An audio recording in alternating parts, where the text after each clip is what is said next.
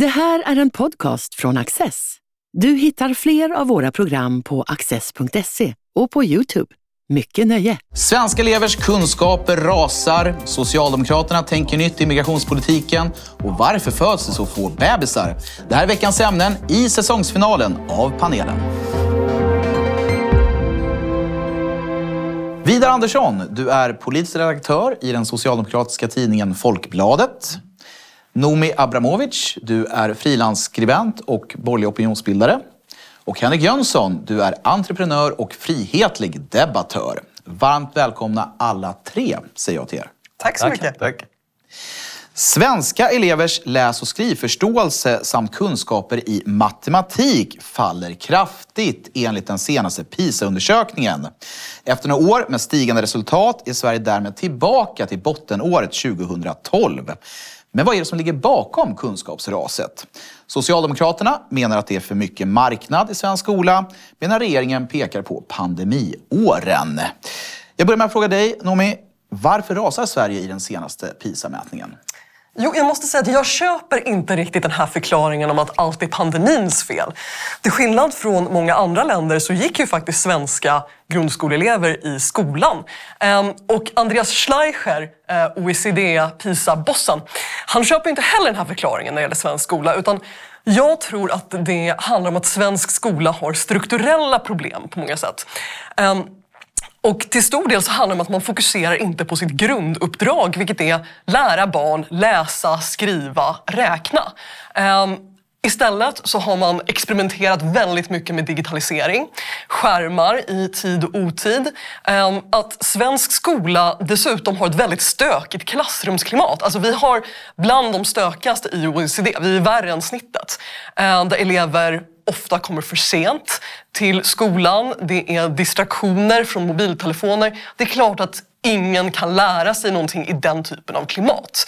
Ehm, så det tycker jag också är väldigt oroande. Om man tittar närmare på siffrorna så ser man att en fjärdedel av eleverna har inte den liksom, grundläggande nivå av läsförståelse som man bör ha i nionde klass.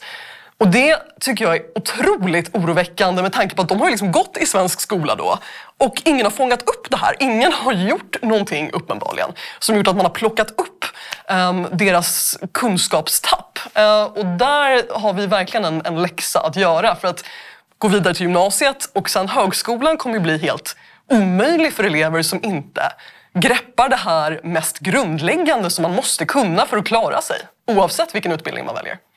Vidar, vad tänker du?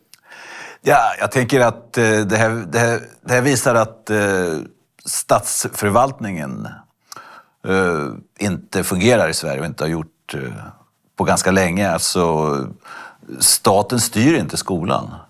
Och, eh, och vi ser de problemen på många andra samhällsområden också. Men när det gäller skolan, alltså man, man styr inte det. Och att skolan trots allt fungerar så bra som den gör Eh, beror på, skulle jag vilja säga, att vi har eh, eh, kloka och konservativa lärare och rektorer runt omkring ute i, på Sveriges skolor. Och det är skolans ryggrad. Alltså man, ska, man ska komma ihåg att det fungerar ju, har du minst en förälder som är född i Sverige så ligger vi på femte plats i världen, alltså, eller i OECD, när, när vi mäter de här sakerna. Enligt skolforskaren då, Gabriel Helle Sahlgren. Och som jag har följt det här mycket. Men det, det är ju inget försvar för de som inte, jag menar de som har en ren utrikesbakgrund. Och, och det är det jag menar med statsförvaltningen. Vi kan inte låtsas, vi, staten måste ju styra Sverige som det land vi är.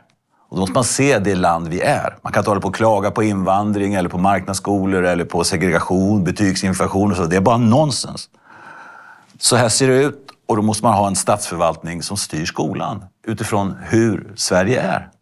Och det, jag är ganska positiv trots allt. Om fem, tio år så skulle det här kunna vara... Mm. Så skulle hela elevkåren i stort sett kunna ligga femma, fyra i Sverige, i världen. Henrik Jönsson, mer statlig styrning, är det lösningen för svensk skola? Eh, det tror jag inte. Ehm, jag finner väl i ett läge när vi ser att vi underpresterar i svensk skola är det naturligtvis angeläget om att göra en, en robust genomlysning.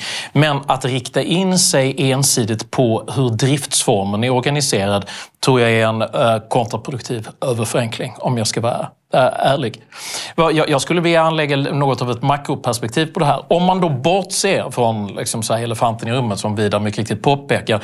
Det, även i IFAUs äh, förra rapport så konstaterar man att det kompensatoriska uppdraget har blivit mer betungande på grund av att man har ett mycket större gruppbarn med föräldrar som inte har äh, akademiska förutsättningar som många svenskar har för att deras barn ska kunna få hjälp och komma in i skolan lätt. Så det är förstås en stor inverkande faktor. Men den andra komponenten går att härleda i min mening ganska långt tillbaka i tiden. När den svenska skolan eh, gradvis har rört sig i en riktning mot att eh, ersätta en del av grundämnesundervisningen med allt fler elevkontaktsökande, fostrande och vårdande uppdrag istället för att vara resolut fokuserad på att bibringa eh, de unga eleverna kunskaper eh, för, för, för livet. Så att där får man väl kalla mig konservativ så tillvida att min uppfattning är att en återgång till en mer disciplinerad skola som är fokuserad på just bibringandet av kärnämnena och den kunskap som sedan utgör basen för ett fortsatt lärande är viktig. Och där så tror jag att det är nödvändigt att hitta en återgång. Detta transcenderar däremot driftsform. Den diskussionen tror jag är perifer. Utan det handlar om hur ser uppdraget ut? Hur ser beställningen ut? Hur ger vi skolan lugnen och ro till att utveckla och kultivera eh, en, en, en kunskapstradition eller återetablera den? Mm. Men hur kan driftsform vara irrelevant om det finns incitament för lärare att sätta högre betyg än vad eleverna förtjänar för att man ska locka fler till deras skolor? Det förstår inte riktigt jag. Men det, det där hänger ju så, om, om sådana situationer föreligger så skulle jag hänföra det till eh, ett dåligt definierat uppdrag för kommersiella aktörer. För att eh, likna privata utförare vid ett vattenflöde. Om du eh, bygger en vattenränna så kan du leda den här energin i en rimlig riktning. Men börjar det spruta och läcka på fel ställen, då är det du som designat beställningen på ett dåligt sätt. Så det är mycket möjligt att man behöver se över hur uppdragsbeskrivningen ser ut för de privata aktörerna. Men driftsformen i sig eh, tror jag det finns hur mycket som helst som talar för att eh, varför liksom föräldrar köar för att få sina barn in i den internationella engelska skolan till exempel. Det är sitt eget marknadsmässiga bevis på att det finns uh, mycket som är positivt med den privata driften. För att vissa privata skolor funkar betyder inte det att alla funkar. Utan det är uppenbart att det handlar också delvis om elevunderlag. Jag menar, det är betydligt lättare att undervisa elever vars föräldrar är akademiker, som har etnisk svensk bakgrund jämfört med elever som har föräldrar som kommer kanske från Mellanöstern, Nordafrika, muntliga traditioner, eh, talar knappt svenska överhuvudtaget. Ja, det är svårare, det har du all, alldeles rätt i. Men det, det, är ett annat uppdrag och det är långt ifrån omöjligt. Jag menar, det, det där har alla länder som har utvecklats starkt eh, eh de sista hundra åren gått igenom. Alltså från en annan man börjar med en befolkning som till stor del var analfabeter, så var det i Sverige för 150 år sedan. Fast jag, ja, jag håller inte med dig. Nej. Eh, jag tror att det handlar också om koncentrationen också av elever med svagare socioekonomisk bakgrund. Ehm, menar, det är en sak om det handlar om ett fåtal elever i varje klass. Då är det kompensatoriska uppdraget mycket lättare att leva upp till. Men om vi talar om 90 procent av eleverna i en klass, det är en helt annan situation. Ja, jag har varit exempelvis eh, flera gånger på internationella engelska skolan i Eskilstuna till exempel, som ligger i ett av de utsatta områdena. Och där ja, 97 procent har utrikesbakgrund och kommer från hela världen. Och, eh, åstadkommer fantastiska resultat, alltså kunskapsresultat. Efter, eftersom man arbetar med de elever man har. Alltså vi gömmer oss bakom det här ungefär som om folk från Mellanöstern och Afrika skulle vara dumma i huvudet. Eller Nej, inte, ja, men, ja, men inte, inte, inte kunna lära sig saker och ting. Det finns en sån uh, attityd nästan. Man, man, säger ja men de, de kommer därifrån. Och, och det håller jag inte alls med dig om. Nej, det, är inte vad jag eller andra Nej. debattörer har påstått. Snarare är det att det är mycket längre uppförsbacke om du kommer från en bakgrund. Föräldrarna kan inte hjälpa dig med läxorna. Ja, det är klart det är uppförsbacke. För att de inte kan svenska, de har svårt för alfabetet. Mm. Det är klart att det är betydligt svårare och gör att det kommer bli en mycket, mycket mer komplicerad uppgift för skolorna att lösa. Att låtsas som något annat är ju trams. Men detta är ju ingen invändning mot den privata driftformen i sig, utan det är ju mer ett konstaterande av att vi har i demokratisk ordning uppenbarligen röstat för en väldigt, väldigt omfattande migration under de senaste så här, 10-15 årsperioden.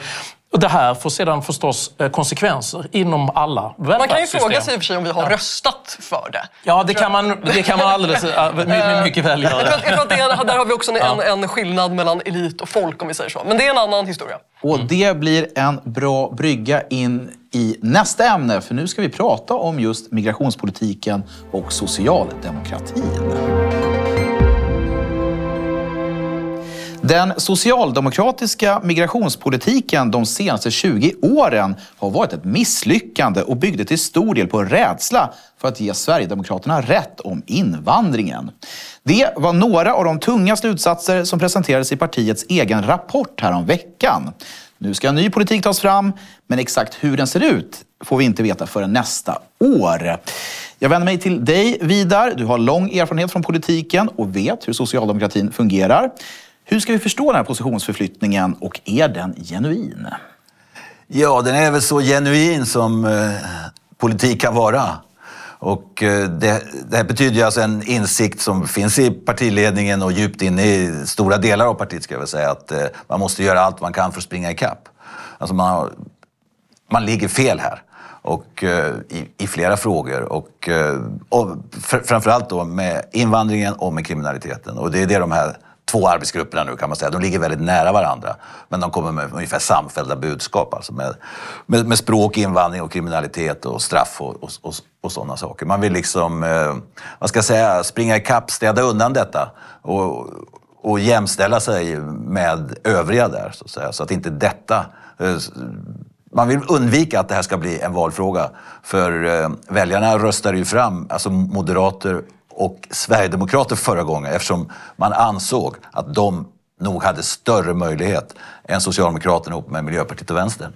Och eh, skulle de här frågorna fortfarande vara lika stora och allvarliga och blockskiljande eh, inför nästa val så kommer det gå väldigt illa för Socialdemokraterna. Så det här är en genuin omprövning och så får vi se vad det, vad, vad det leder till sen. Men det är en djup insikt om att man har hamnat fel och att man måste göra bättre ifrån sig.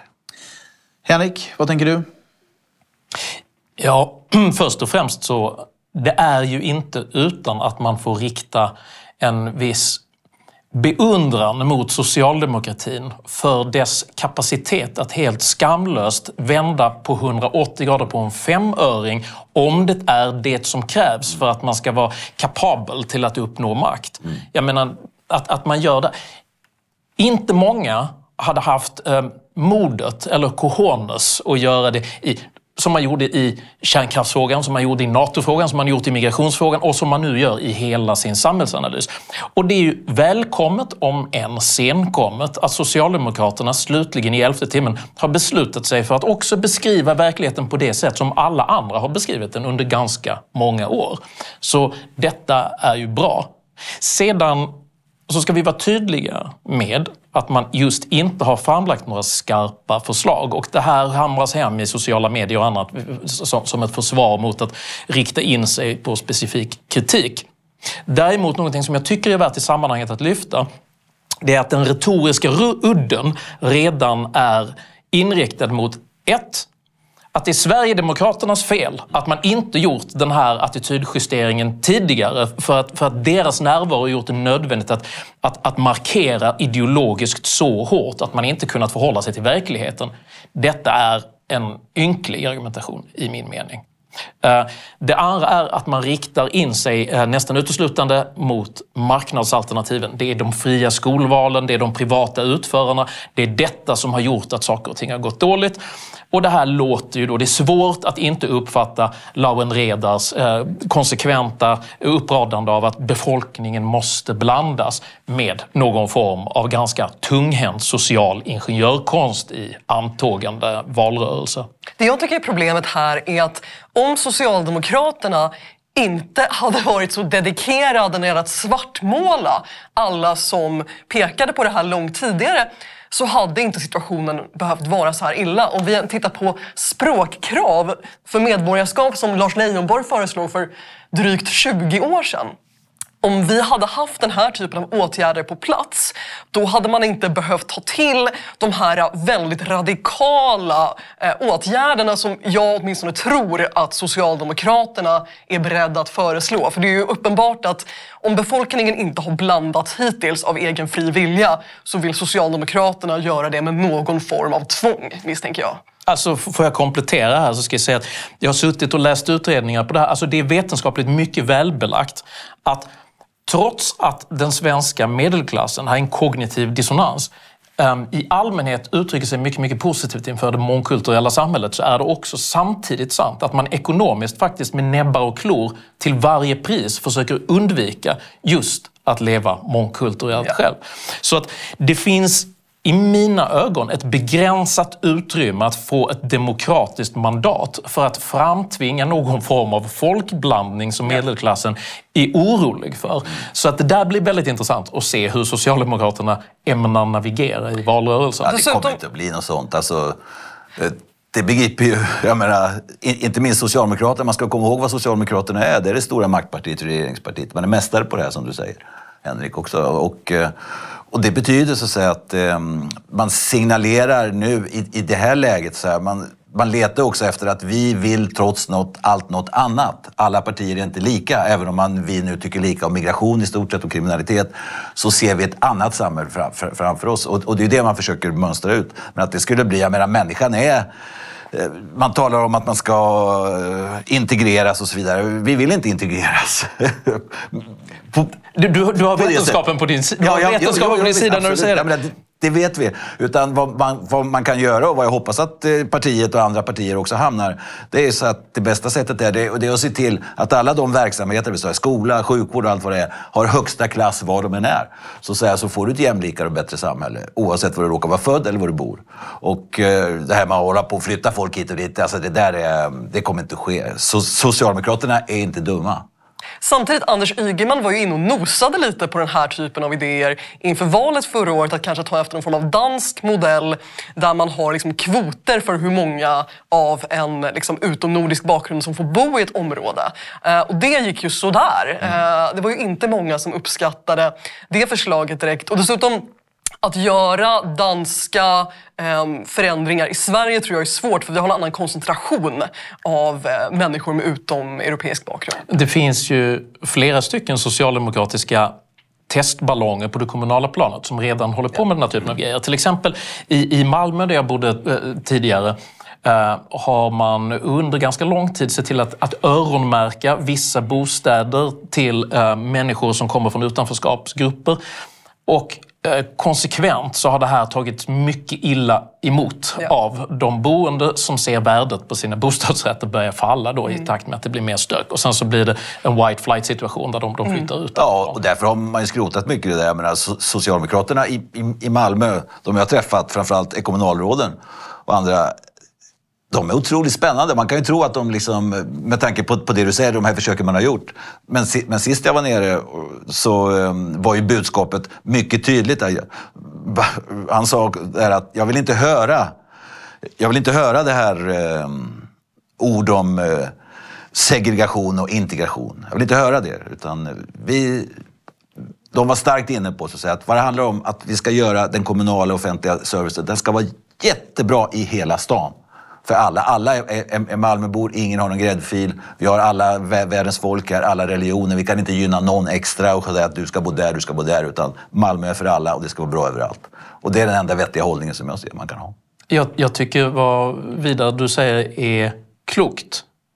Fokus som i viss mån framförts av de här analysgrupperna på segregationen som ett problem som måste lösas tror jag är fel fokus. Mm. För att segregationen är ett resultat av att en bred del av medelklassen uppfattar att vissa typer av värden som existerar i utanförskapskollektivet är så problematiska att man inte vill vara nära dem. Det är inte en funktion av rasism. Nej, så att vad man snarare måste göra det är att korrigera eller att, att, att Mm. dämpa en del av de attityder som en, en majoritetssamhället finner svåra att, att, att vara runt. Ja, man kan väl säga så att om vi ser på svensk historia i alla fall och andra länder med, så kan man säga så handlar det om sekularisering och assimilation. Det är ju liksom så, jag menar, den, den kristna svenska kyrkan har ju tämjts. Så att säga, och eh, jag menar, håll inte på med några dumheter. Eh, ur eh, liksom, det allmänna perspektivet. Utan, och det är det det handlar om. Så att säga. Du kan vara kristen, du kan vara muslim och så vidare. Vi ska inte ha någon politisk islam eller politisk kristendom och, och sådana saker. Eh, vi ska alldeles strax gå vidare, men nu har ju då Socialdemokraterna signalerat den här positionsförflyttningen. Eh, Centerpartiet, Miljöpartiet, Vänsterpartiet är väl de tilltänkta samarbetspartierna, möjligen. De är ju så att säga inte så inne på det här spåret. Vad innebär det för en eventuell blivande S-regering då?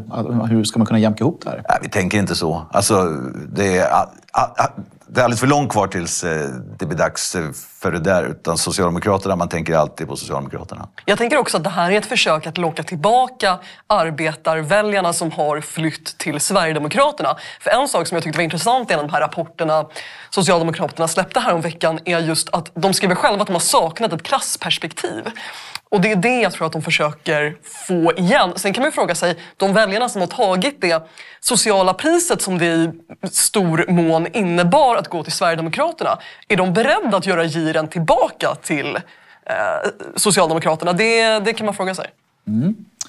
Och där rundar vi av, för nu ska vi prata om barnafödande. Nu ska vi prata om en annan dyster bottennotering. För det verkar som att det föds allt färre bebisar i Sverige. Det här enligt Statistiska centralbyrån. Allt pekar på att vi för första gången någonsin kommer att hamna under 1,5 födda barn per kvinna. Och därmed riskerar vår befolkning att minska. Sist det begav sig sjösatte politiken en enorm utbyggnad av välfärdsstaten med barnbidrag, höghus och dagis till alla. Men är det politikens uppgift att få upp barnafödandet eller bör vi söka svaren någon annanstans? Henrik, är du bekymrad över läget och vad tycker du i så fall bör göras? Ja du, det, det här är en spännande fråga för det är en sån här riktig makrofrågeställning. Eh, men låt mig börja med eh, en, en, ett ingångsvärde här. Eh, en nyligen publicerad bok eh, som, som med titeln Superabundance argumenterar författarna en anti-malthusiansk beskrivning. Där den traditionella analysen är att en ökande befolkningsmängd leder till resursknapphet och armod. Men det finns starkt underlag på att en ökande befolkning leder till ett ökat välstånd. Därför att det helt enkelt kommer fler produktiva och innovativa människor med befolkningsökningen. Och um, Elon Musk, den amerikanska excentriska miljardären, han beskriver just de, de fallande födelsetalen som ett av de stora innovationsproblemen i världen. Och det här är ett spännande perspektiv som jag definitivt är, är benägen att pröva. I synnerhet då i ljuset av en betydligt mer humoristisk referens som jag nu tänker göra. En film från 2006 som heter Idiocracy. Eh, vilken är då inriktad på i, inledningsvis ett mycket, mycket högutbildat par som ständigt argumenterar för att vi kan inte skaffa ett barn nu för att eh, marknadsräntorna är inte lämpliga för det. Och vi ska vänta tills hon är klar med sin utbildning och sen ett ut tre så lyckas de inte eh, göra ett provrörsbarn och han dör i slutändan. Medan eh, deras mycket, mycket lågutbildade eh, granne som bor i en eh, husvagn vid det laget har skaffat sig 26 barn eller någonting i den stilen. Argumentationen man gör här då, det är väl att det kan ju även bli liksom ett innovationsmässigt problem om hög bildning även korrelerar med att man eh, får en lägre avkomma. Så sett i detta ljus så är det kanske önskvärt att helt enkelt så här juletid ge en väldigt eh, varm uppmaning till svenska folket att, eh, att skaffa lite fler barn helt enkelt. Ja, Noomi, vad säger ni om den uppmaningen? Eh, ja, nej, men det var ju eh, väldigt sådär i, i jultraditionen. Eh, men det, jag tänker att det man, det man kan säga om det här är att det här är ett problem för i princip hela utvecklade världen.